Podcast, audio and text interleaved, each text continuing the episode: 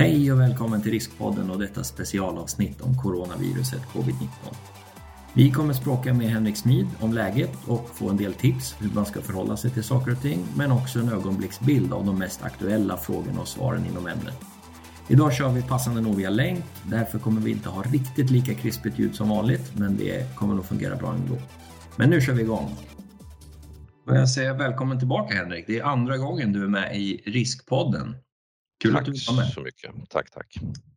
För de som, eh, där är första gången de hör dig, berätta lite om dig själv och vad du sysslar med.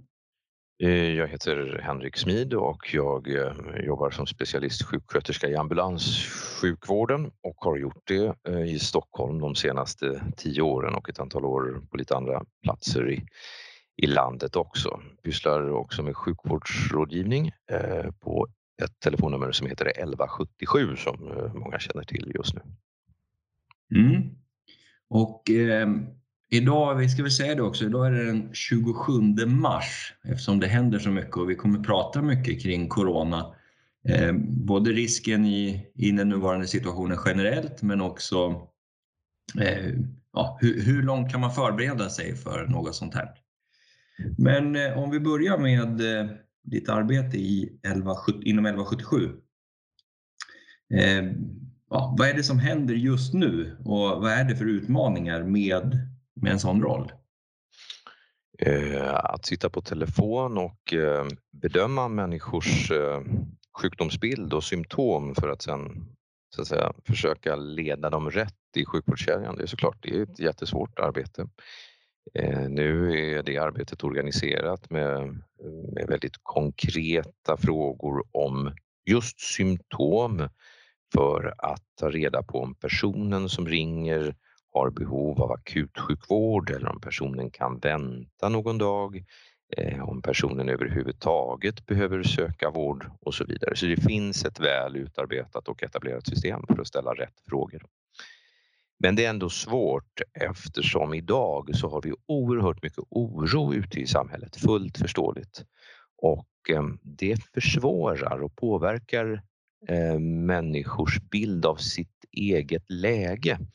Ehm, det innebär att ehm, det finns människor idag som känner så pass stor oro så att oron också såklart kan framkalla symptom i form av kanske hjärtklappning, Oro kan ge andningsbesvär och så vidare. Och då är det inte helt lätt att skilja, eh, skilja de olika symptomen åt för att ta reda på vad som är vad. Det är, tycker jag, en jättestor utmaning idag. Ja, för om, man, om man kopplar det här till just eh, coronasituationen så pratar man ju om att symptomen är väldigt generella och lik andra sjukdomar som vi ofta har. Eh, vad, eh, om man liksom, hur skulle man beskriva eh, coronasymptom idag? Ja, fortfarande beskriver vi ju eh, typiska coronasymptom på så vis att eh, vi inkluderar feber, hosta och andningsbesvär. Och det var också så det började. Men idag så har vi ju en mer vid eh, tanke om symptombilden, vilket innebär att vi talar om till exempel influensaliknande symptom som, som kan vara corona. Vi talar om lättare förkylningssymptom där man inte kan utesluta att patienten är drabbad av corona. Ehm, så att idag betraktar vi människor som har någon form av symptom som liknar influensasymptom som potentiella bärare av det här viruset. Vilket innebär att vi är väldigt frikostiga idag med att rekommendera människor att stanna hemma. Vi vill inte att alla som har influensasymptom ska söka sjukvård eftersom sjukvården redan idag är tungt belastad. Men vi vill att de som har symptom på någon slags sjukdom nu som handlar om sådana här parametrar ska vara hemma och inte utsätta andra för sina symptom. Och, och eh, om en, en, person ringer, ringer in och signalerar just den här typen av symptom och de får de här råden, hur, hur reagerar man? Jag tycker att det finns eh, en, en stor följsamhet bland de absolut allra flesta som vi pratar med eh, att följa den här typen av råd. Sen så ställer många såklart idag frågan Tror du att det är covid-19? tror du att jag har drabbats av coronaviruset? Så den där oron är också svår att möta för att det går inte att svara på den frågan. Inte ens till en person som har hög feber eh, eller feber, eh, andningsbesvär och hosta som är de urtypiska symptomen så vill jag tro någonting. Eh, men eftersom misstanken finns så upplever jag att följsamheten är stor. Man lyssnar på råden i de allra flesta fall och man sätter sig själv i karantän. Trots att det såklart är belastande för den enskilda personen att, att vara där i kanske två veckor eller längre tid än så. Mm. Hur, eh, vi ska, vi ska fortsätta följa upp det här lite grann, men när en sån här sak händer och det kommer ett, i det här fallet då ett nytt virus som, som vi inte har sett tidigare, hur förbereds man inom, inom organisationen så att säga för att svara på de här frågorna? Är det någon specialutbildning för just covid-19 eller hur, hur går det där till? Eh, det har varit ehm, för oss som arbetar med det här, då kan jag ta både ambulanssjukvården och ehm, eh, inom annan sjukvård, en kontinuerlig utbildning nästan dagligen skulle jag vilja säga för att vi ska vara uppdaterade och kunna ge rätt svar på de frågor som kommer. För att bilden och kunskapen har ju faktiskt förändrats här varje dag, vilket innebär att den kunskapen vi har idag, den hade vi kanske inte för en vecka sedan. Eh, vi hade inte den bilden av spridningen som vi har idag för en vecka sedan.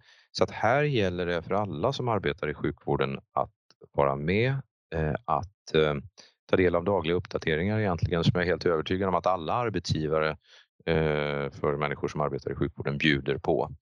Och som ambulanssjuksköterska till exempel så får jag Eh, på min telefon flera mejl varje dag om förändrade riktlinjer för oss som jobbar i ambulansen, eh, olika eh, skyddsattiraljer som vi ska använda där man byter planer från det man hade för någon vecka sedan kanske. Så det här är kontinuerligt och här gäller det att vara med för att kunskapen förändras hela tiden i den här frågan.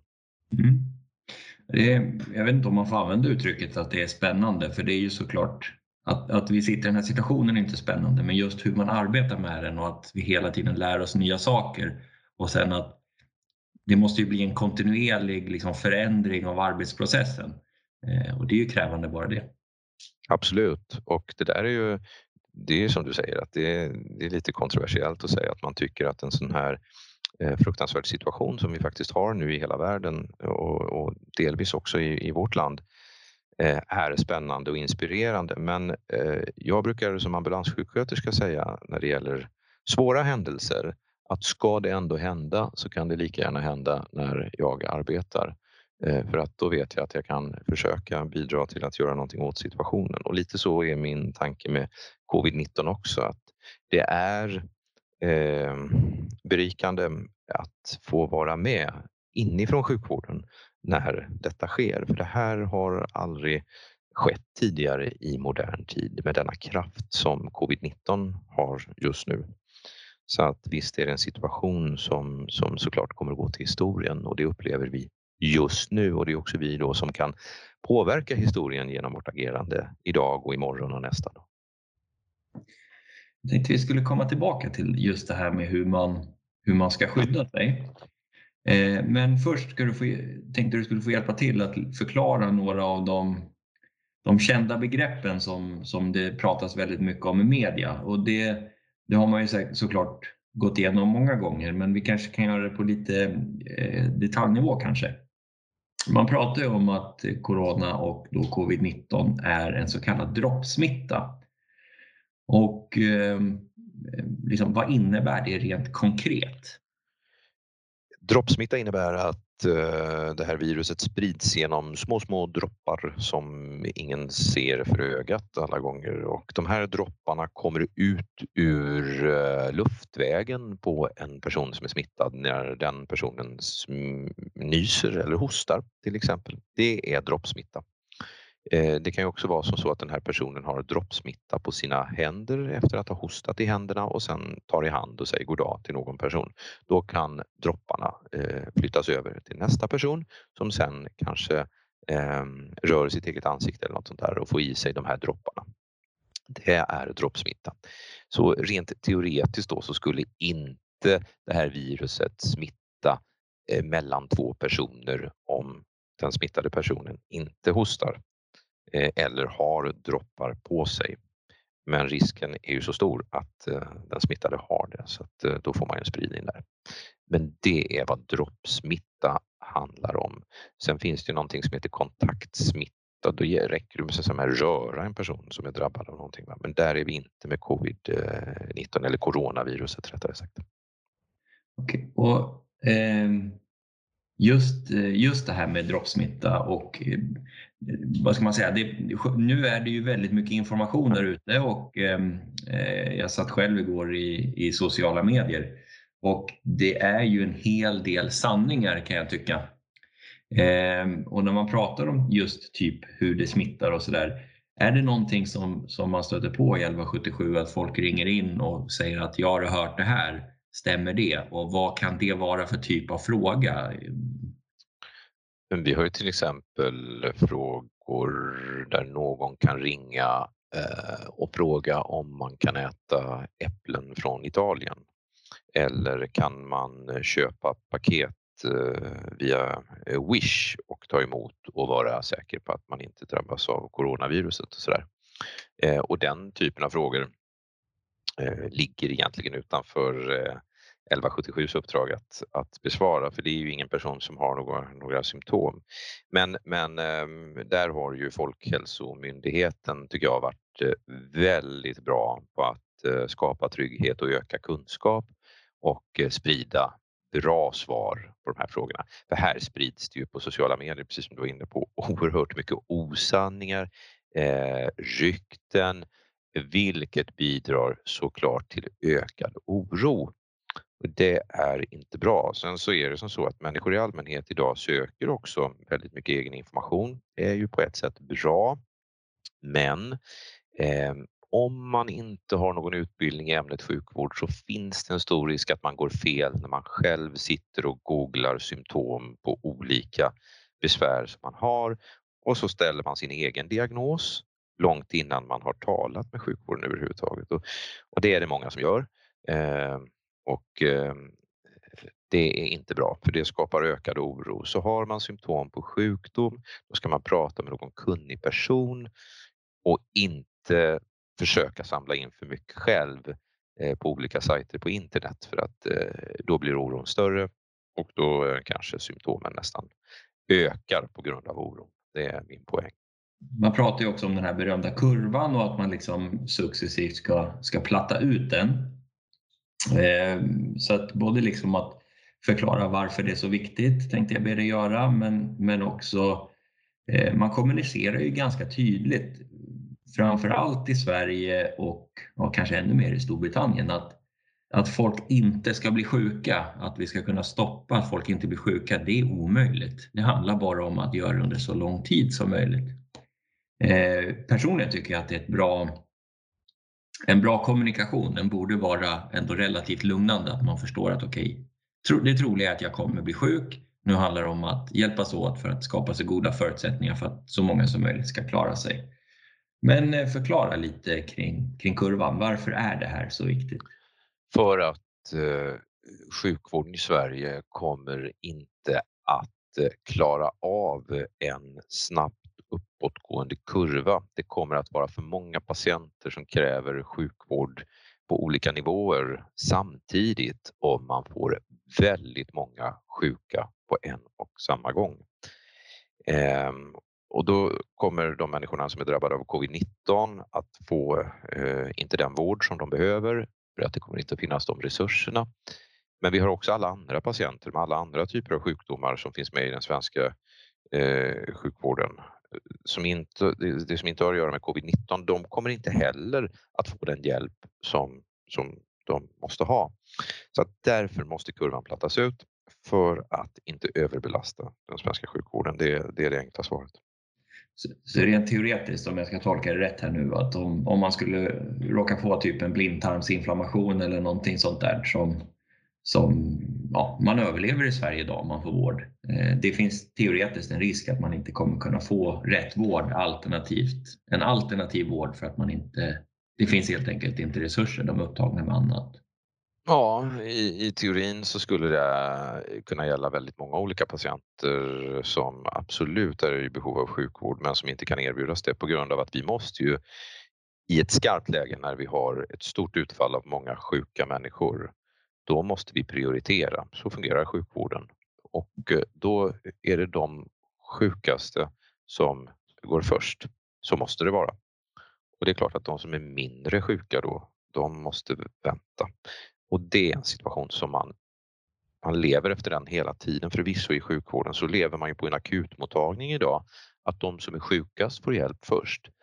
Men eh, vi vill inte ha den situationen eh, Eh, på grund av covid-19 där människor som till exempel är i behov av att bli opererad i magen på grund av kanske, ja, du tog blindtarm som exempel, skulle kunna vara så eller vi kan ta en person som kanske är ett tidigt stadium i en cancersjukdom som har behov av en operation för att förhindra spridning.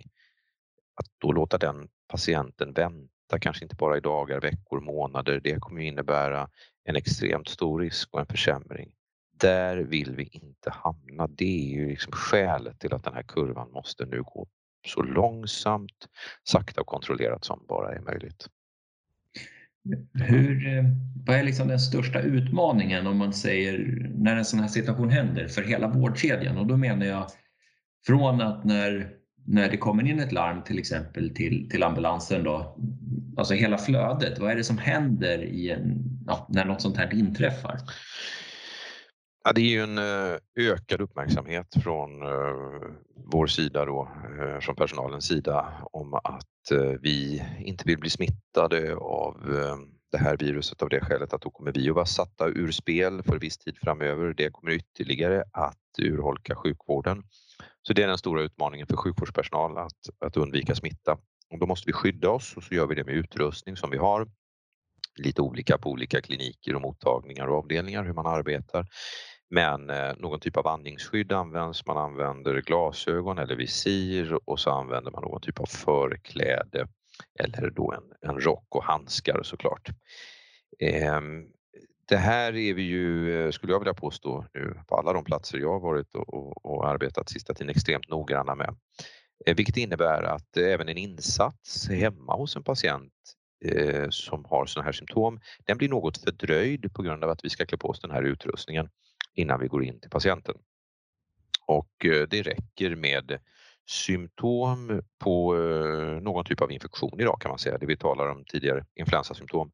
Då åker utrustningen på och ehm, det, det är ju en utmaning i sig för det är, det är klart att det försvårar arbetet en aning för alla som ska jobba i mask och, och, och visir och de som jobbar inne på sjukhuset de, de är en ganska tuff tillvaro för de det är varmt och det är jobbigt och man ska byta kläder kanske då om man eh, hanterar en patient som inte har den här smittan. Och så.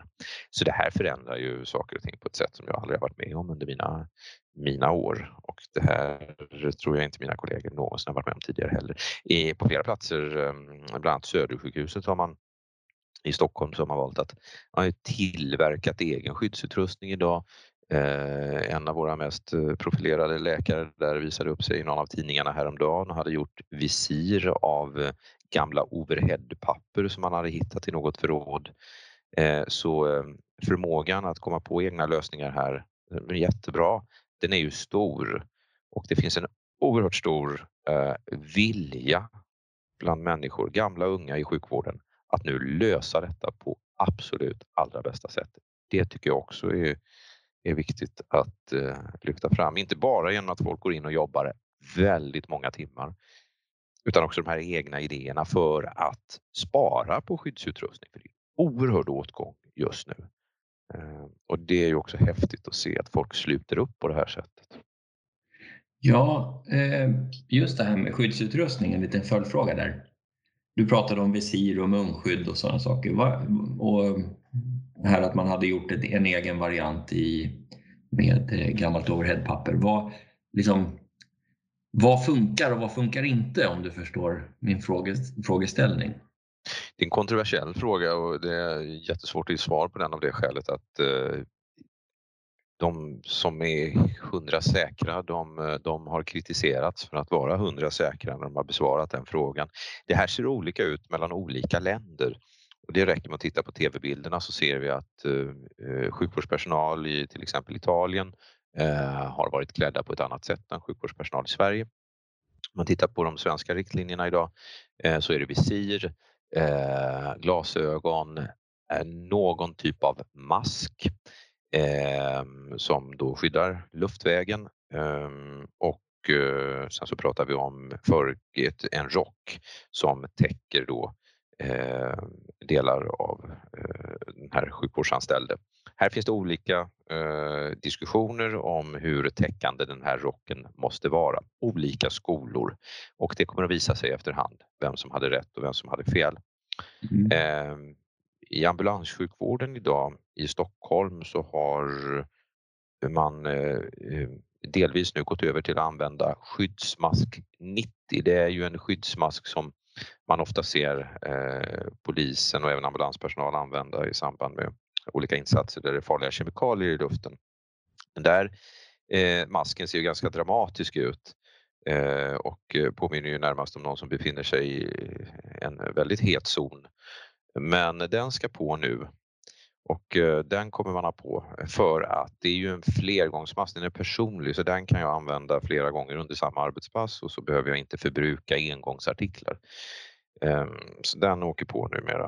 Och det är klart att det är en ny, ny upplevelse för oss också att gå in i skyddsmask 90 till en patient mm. eh, som, som kanske är äldre och som, som inte förväntade sig det när man eh, tog hjälp av ambulanssjukvården. Men så kommer det vara i delar av landet eh, från och med nu. Mm. Och eh, för den då som, som har blivit sjuk eh, och har fått, eh, fått viruset, vad kan en sån person förvänta sig? Och då, eh, att man kan få milda symptom och sådär, det, det, har vi ju täckt in. Men, men de som hamnar i intensivvård och, och kanske ja, rent av inte tar sig därifrån, hur kan ett sånt förlopp se ut? För att jag har förstått att det handlar inte om att man blir, man blir smittad och så blir man jättesjuk direkt. Utan det är en ganska lång process. Kan du berätta? Ja, individuellt såklart, men eh, vad vi har sett hittills är att eh, de som får milda symptom, det är patienter som är ofta friska eh, igen på, på någon vecka eller två veckor. Eh, de som har hamnat då i eh, intensivvårdssituationen, de har eh, insjuknat eh, och haft symptom över längre tid. Eh, de har också eh, eh, hamnat, eh, de har varit hemma kanske en, två veckor med hosta, feber, andningsbesvär eh, av lite mer lindrig karaktär. Sen så har det här blivit då en successiv försämring. Det är alltså inte som en blixt från klar himmel utan det har blivit sämre och sämre för varje dag som går. Sen har man då eh, påkallat hjälp och då har man varit i flera fall ganska sjuk redan när man kommer till sjukhuset. Därmed inte sagt att det här är en patient som, som hade kunnat bli räddad om personen hade kommit tidigare för att det finns ju ingen medicin mot den här sjukdomen, det är viktigt att komma ihåg, utan det vi gör i sjukvården idag när vi har covid-19 fall, det är att eh, medicinera symptom. Eh, det innebär att har man till exempel besvär med sin andning så kanske den patienten får luftrörsvidgande läkemedel och syrgas och sådär. Men sjukdomen, den kan vi egentligen inte angripa. Vi angriper symptomen som är resultat. Eh, och det är klart att prognosen är ofta inte så bra för en patient som har hamnat på IVA, intensivvården i respirator på grund av covid-19. Det är, måste vi göra klart för oss själva, ett dåligt läge. Mm. Det tar lite tid eller vad man ska säga. Det här är en process på, ja, svårt att svara exakt på hur lång den är, men det kan handla om veckor innan man blir så pass sjuk alltså. Absolut och det tycker jag att eh, vi har också noterat på de patienter som kanske ringer in för rådgivning idag på ett annat sätt än tidigare att de har i flera fall eh, nog väntat eh, Eh, och nu pratar vi om de som är riktigt sjuka och då är det ofta andningsbesvär, alltså svåra andningsbesvär. Väntat länge hemma och levt på hoppet att det här kommer att klinga av och det kommer att bli bättre eh, och så har det inte blivit det utan varje dag en försämring och, och då efter kanske tre veckor då är man, då är man väldigt dålig helt plötsligt. Och vad, eh, vad är det viruset gör som, som skapar de här andningssvårigheterna? Vet man det idag? I de svåra fallen eh, så resulterar ju det här i en eh, svår lunginflammation.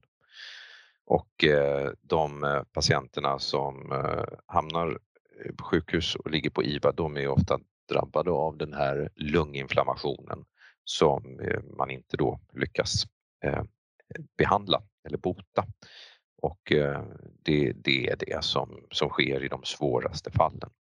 Men vi ska komma ihåg att eh, i de flesta fall så resulterar det här i en infektion i luftvägen där man hostar eh, och torrhostan är väldigt typisk där man har kanske lindrigare andningsbesvär. Den är ju inte helt ovanlig. Sen är frågan vad andningsbesvär är, men många beskriver ju, alltså av de jag talar med och träffar som är drabbade, de beskriver ju att de har lite tungt att andas. De kan ha lite svårt att dra djupa andetag. Det är ganska vanligt att man säger det.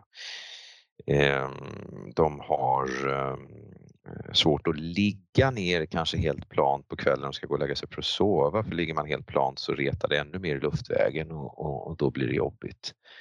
Eh, den typen av symptom, det är ju trots allt det absolut vanliga när man söker för rådgivning eller om man söker sjukvård då överhuvudtaget. Hur upplever du alla de här råden som, som, som är ute just nu, framförallt med god, god hygien, alltså god handhygien och att man ska hålla lite distans och sådär. Vad är, liksom, vad är känslan? Tycker, tycker du att, att de efterlevs eller kan det vara till och med så att det ringer in folk och frågar om du kan jag gå över till grannen och gå på middag? Absolut, eh, det är klart människor ställer sådana frågor. Eh, jag eh, träffar på patienter som, som har låtit pendeln svänga för långt åt andra hållet, det vill säga att man inte ens man går liksom inte utanför dörren, man går inte ens ut och slänger soporna för att man är rädd. Och det, det var inte så tanken var, utan tanken är att vi undviker just nu eh, för vissa personer då som kanske är infektionskänsliga eh, sociala kontakter här under en period för att inte råka ut för detta. Men följsamheten tycker jag generellt är väldigt god. Den är extremt god. Den är förvånansvärt god i det svenska samhället. Vi kommer alltid ha personer som trotsar den här typen av rekommendationer som kanske till och med förlöjligar situationen som vi befinner oss i. De kommer såklart att få sin läxa av det skälet att eh, det här eh, det är helt rätt det eh, Folkhälsomyndigheten har gjort de har gjort ett fantastiskt arbete med att få ut budskapet. Eh, håll er hemma, gå inte till jobbet om ni är sjuka, stanna hemma ytterligare några dagar om ni har varit sjuka och sådär. God handhygien. Det här budskapet har ju nu hamrats in i det svenska folket under förhållandevis kort tid och jag tror att så gott som de allra flesta följer det här rådet. Så att följsamheten är god, det är min uppfattning. Eh, mycket god till och med och det är ju fantastiskt roligt tycker jag att se. För det är det som, som kommer att rädda oss ur den här situationen på sikt. Har ni varit i, i ambulansen på vad ska man säga, incidenter kopplade till corona som inte har med corona att göra om du förstår vad jag menar? Att det har varit något kanske, jag vet inte hur långt man ska dra det, men, men man har fightats på ICA om den sista, ja, toalettpapper verkar ju vara eh, hett just nu. Eh, har det, har det hänt något sånt? Eh, inte, inte i ambulanssjukvården eh, att jag har råkat ut för någon konkret situation. Däremot så vi träffar ju så otroligt många patienter som har olika typer av problem och, och det är bara en kort tid sedan som eh, jag och en kollega åkte hem till en eh, dam som hade för avsikt att eh, ta sitt liv av helt andra skäl än, än dessa vi talar om idag. Och i det sammanhanget så visar det sig att eh, personen i fråga har parallellt med de här tankarna på att ta sitt liv och också eh, symptom eh, på covid-19. Och, och, då blev det en eh, såklart väldigt speciell situation där vi ska försöka på något sätt ta om hand en patient eh, som har mörka och dystra tankar i, i full skyddsdräkt, eh, vilket också eh, ställde sjukvården eh, på kant här för att det var ingen som riktigt visste var den här patienten skulle ta vägen. Om det var en patient som var i normala fall ämnad för psykiatrin men som nu hade coronasymptom. Vad gör man då? Och det här visar ju att det här är en situation som vi inte har varit i förut och vi, vi måste lösa varje varje problem här nu enligt vissa riktlinjer såklart, men vi måste se varje situation som, som ny. Så det här är nytt även för oss som jobbar i sjukvården. Jag tycker också det är viktigt att komma ihåg. Många människor gör nu ett fantastiskt arbete för att lösa detta eh, och allmänheten hjälper till på ett, eh, på ett fenomenalt sätt. Eh, men man ska komma ihåg att vi har aldrig varit i det här läget förut. Situationen är ny för alla inblandade, inklusive de som tjänstgör i, i sjukvården, i ambulanssjukvården och eh, ja, i olika omsorgsfunktioner. Det är viktigt att minnas det. Jag tycker du är inne på någonting som, som jag tycker är jätteviktigt. Jag, igår kväll så behöver jag inte, behöver inte prata kanal eller vilka individer, men det var en intervju i alla fall på ämnet där eh, man pratade just om det här eh, från, från Folkhälsomyndighetens sida att Eh, det här är nytt. Vi, vi har inte alla svar, det finns en del saker vi inte vet än, men vi gör en del antaganden och man ja, fortsatte egentligen trycka på att är det okej? Okay? Är det verkligen okej okay att ni inte vet? Jag tyckte man hade en ganska dålig förståelse generellt för hela situationen och det kanske är journalistens, eh, journalistens jobb att vara lite kritisk. Men, men jag tycker att det där är en viktig sak att, att ja, som du pratar om, att det här är nytt och att vi lär oss. Jag tycker att eh, det måste människor i allmänhet också förstå. Jag vet att man vill gärna att myndigheter av olika slag och personer som företräder sjukvården som ska ge konkreta svar. För det är ju vi som på något sätt ska överföra trygghet till medborgaren just nu. Men det vore ju att fara med osanningar och säga att vi har full kontroll över den här situationen och vi vet precis vad som kommer att hända och vi har, vi har koll på precis allt. För sanningen är ju att vi har inte det. Och, och, ingen kan heller begära att någon ska ha det i en situation som vänder upp och ner på världen. Eh, men jag, eh, jag upplever att, att generellt så finns det hos allmänheten faktiskt just nu en stor förståelse för detta. Och jag håller med dig precis exakt i det du säger att ehm, eh, jag tycker också det är ärligt av till exempel Folkhälsomyndigheten att vara öppen med att det här har vi inte riktigt koll på. Vi tar det dag för dag. Vi fördjupar våra kunskaper. Vi berättar det vi vet och vi kommer också berätta om sånt som vi inte vet just nu. Eh, så måste det få fungera och vi måste ha förståelse för det. Allt annat vore, vore osannolikt. Vi ska, vi ska ta avrunda och jag ska, den sista frågan, där ska du få filosofera lite fritt. Men, men först bara täcka in ett par sista coronafrågor. Då. Det ena är eh, frågan kring resistens. Eh, om man har varit smittad och det här man pratar flockimmunitet och sådär. Ehm, jag har förstått att det har kommit en del eh, indicier på att man får och bygger upp en, en resistens efter man har varit sjuk. Ja, och här säger man ju idag att ehm, får du viruset nu så är du immun i alla fall ungefär i år. Men det är också lite diffust. Ungefär i år, ja. Vi tror att eh, har du drabbats under 2020 av corona så kommer du inte drabbas fler gånger. Eh, men det är ingen som hundra kan säga att du inte skulle kunna bli sjuk senare delen av hösten igen. Eh, men ungefär så tänker man, så ett visst skydd kommer att finnas men oklart hur länge. Mm. Men en följdfråga där, det är någonting som man gissar jag forskar på för att ta reda på om det är för det har ju också pratats om att det kan vara ett livslångt skydd, men man inte Nej, man kan inte svara helt säkert på det. Man tittar på hur det har sett ut i, i eh, kanske länder då som Kina där man har haft eh, det här viruset över längre tid än vad vi har haft här. Man tittar på hur andra virus uppför sig såklart och ser de likheter som finns. Men återigen, ingen vågar idag hundraprocentigt säkert gå ut och ge svarta vita svar här. Det, de, de finns inte. Nej, men det är bra. Eh, vaccin, tror du att det kommer komma ett sånt? Det är jag helt övertygad om att, eh, om att det kommer att komma, men det kommer att ta tid. Problematiken med vaccin är att det är ju säga, en typ av läkemedel som vi ger i förebyggande syfte. Och den typen av eh, åtgärder kräver mycket testning eftersom det är någonting vi sprutar in i folk som faktiskt är friska för att förhindra att de blir sjuka. Och då vill man inte orsaka de personerna några besvär, vilket har skett med vaccin över tiden. Att man har gett människor vaccin och man har faktiskt orsakat dem sjukdom med olika eh, Eh, problem på grund av att vaccinet inte fungerade som det var tänkt. Biverkningar alltså. Därför tar det tid att testa vaccin. Så det, det sker inte imorgon om man säger så. Tror du att, eh, för det kommer många följdfrågor här, men jag tycker den här är intressant. Eh, när vi hade den senaste pandemin var det 2009-10 när svininfluensan var här. Då vaccinerades ju 5,3 miljoner svenskar och eh, vi fick ju den här biverkningen för ungdomar framför allt om jag inte missminner mig helt nu med narkolepsi. Tror du att det kan finnas en risk att om det kommer ett vaccin för corona att man inte kommer vilja göra det på grund av svininfluensan?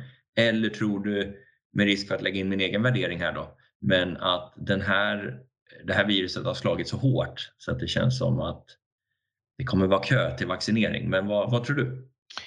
Det kommer att komma ett vaccin men det kommer att ta tid. Man kommer att vara noggrann, extremt noggrann tror jag innan man släpper ut någonting som man tillåter människor ta eftersom eh, det där har vi ganska färskt minne, precis biverkningen som du beskrev här alldeles nyss. Det vill man inte råka ut för igen, men eh, givetvis vill man också skydda människor från att drabbas av covid-19 och det är ju det primära målet. Så att vaccinet kommer, men noggrannheten kommer att behövas och det kommer att göra att det drar ut en aning på tiden. Ja, jag hörde faktiskt den här frågan ställas i, i ett av nyhetsprogrammen i veckan här. Och då svarade man eh, jo, det blev en biverkning, det var inte bra. Men det finns ju också en tro om att om man inte hade vaccinerat så här mycket människor i Sverige så hade det varit väldigt många som hade dött. Och han sa det att ställer man de här två sakerna mot varandra, det är inte, det är inte en helt lätt ekvation att göra. Men någon måste ta sådana beslut också. Ja, och det är kontroversiellt alltid. Eh, jag, eh, jag förstår det resonemanget och köper det utifrån eh, ett stort perspektiv, om vi nu räknar in alla medborgarna i det resonemanget. Det, det, måste vi göra. Men för den enskilde som drabbas av svåra biverkningar efter att ha tagit den där sprutan så eh, eh, kan man få en livslång påverkan och vi ska försöka minimera den risken så mycket som möjligt, såklart. Och en sista fråga då, den är, den är lite mer filosofisk får man väl ändå säga, men eh, jag själv upplever att det har blivit en liksom förändring i samhället när man, när man går ut här, jag bor ju i lägenhet, när man möter någon i trapphuset och sådär, så från tidigare att det har varit ganska anonymt så, så möts man alltid med ett leende. Det har varit ganska öppet och det, eh, jag upplever också beteendet på arbetsplats och sådär, det, det förändras. Det känns som att folk har liksom värderat om lite vad som är viktigt. Och sen samtidigt så har man sett den andra sidan av, av rädslan och oron också. Eh, vad tror du? Vad, vad händer med samhället när vi kommer ur det här? Det här eh, tror jag skapar en medvetenhet om att samhället och livet delvis kan vara ganska skört. Alla blir plötsligt involverade i en situation som härrör till ett virus.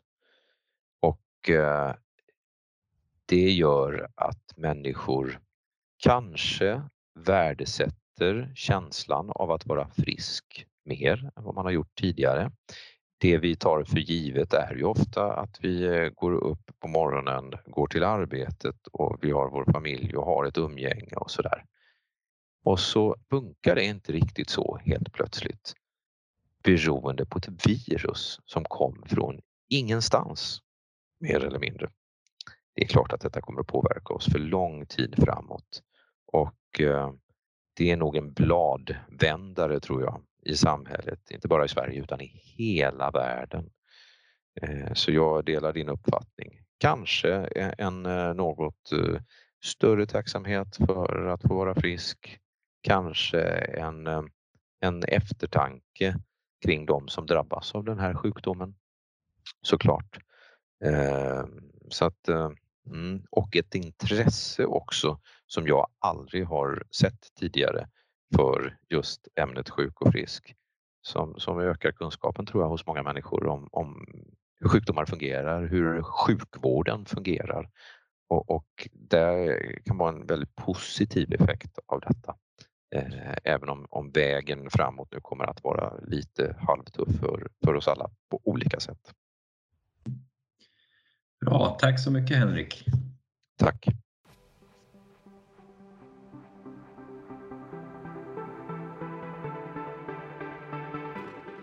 Vi tackar Henrik för medverkan i dagens avsnitt. Ett mycket aktuellt ämne. Har ni några följdfrågor eller funderingar? Eh, maila kontakt riskpodden.se så kan vi följa upp med ett nytt avsnitt med Henrik eller om ni har andra tips på kommande avsnitt så mejla oss gärna. Riskpodden görs av Presto Brandsäkerhet.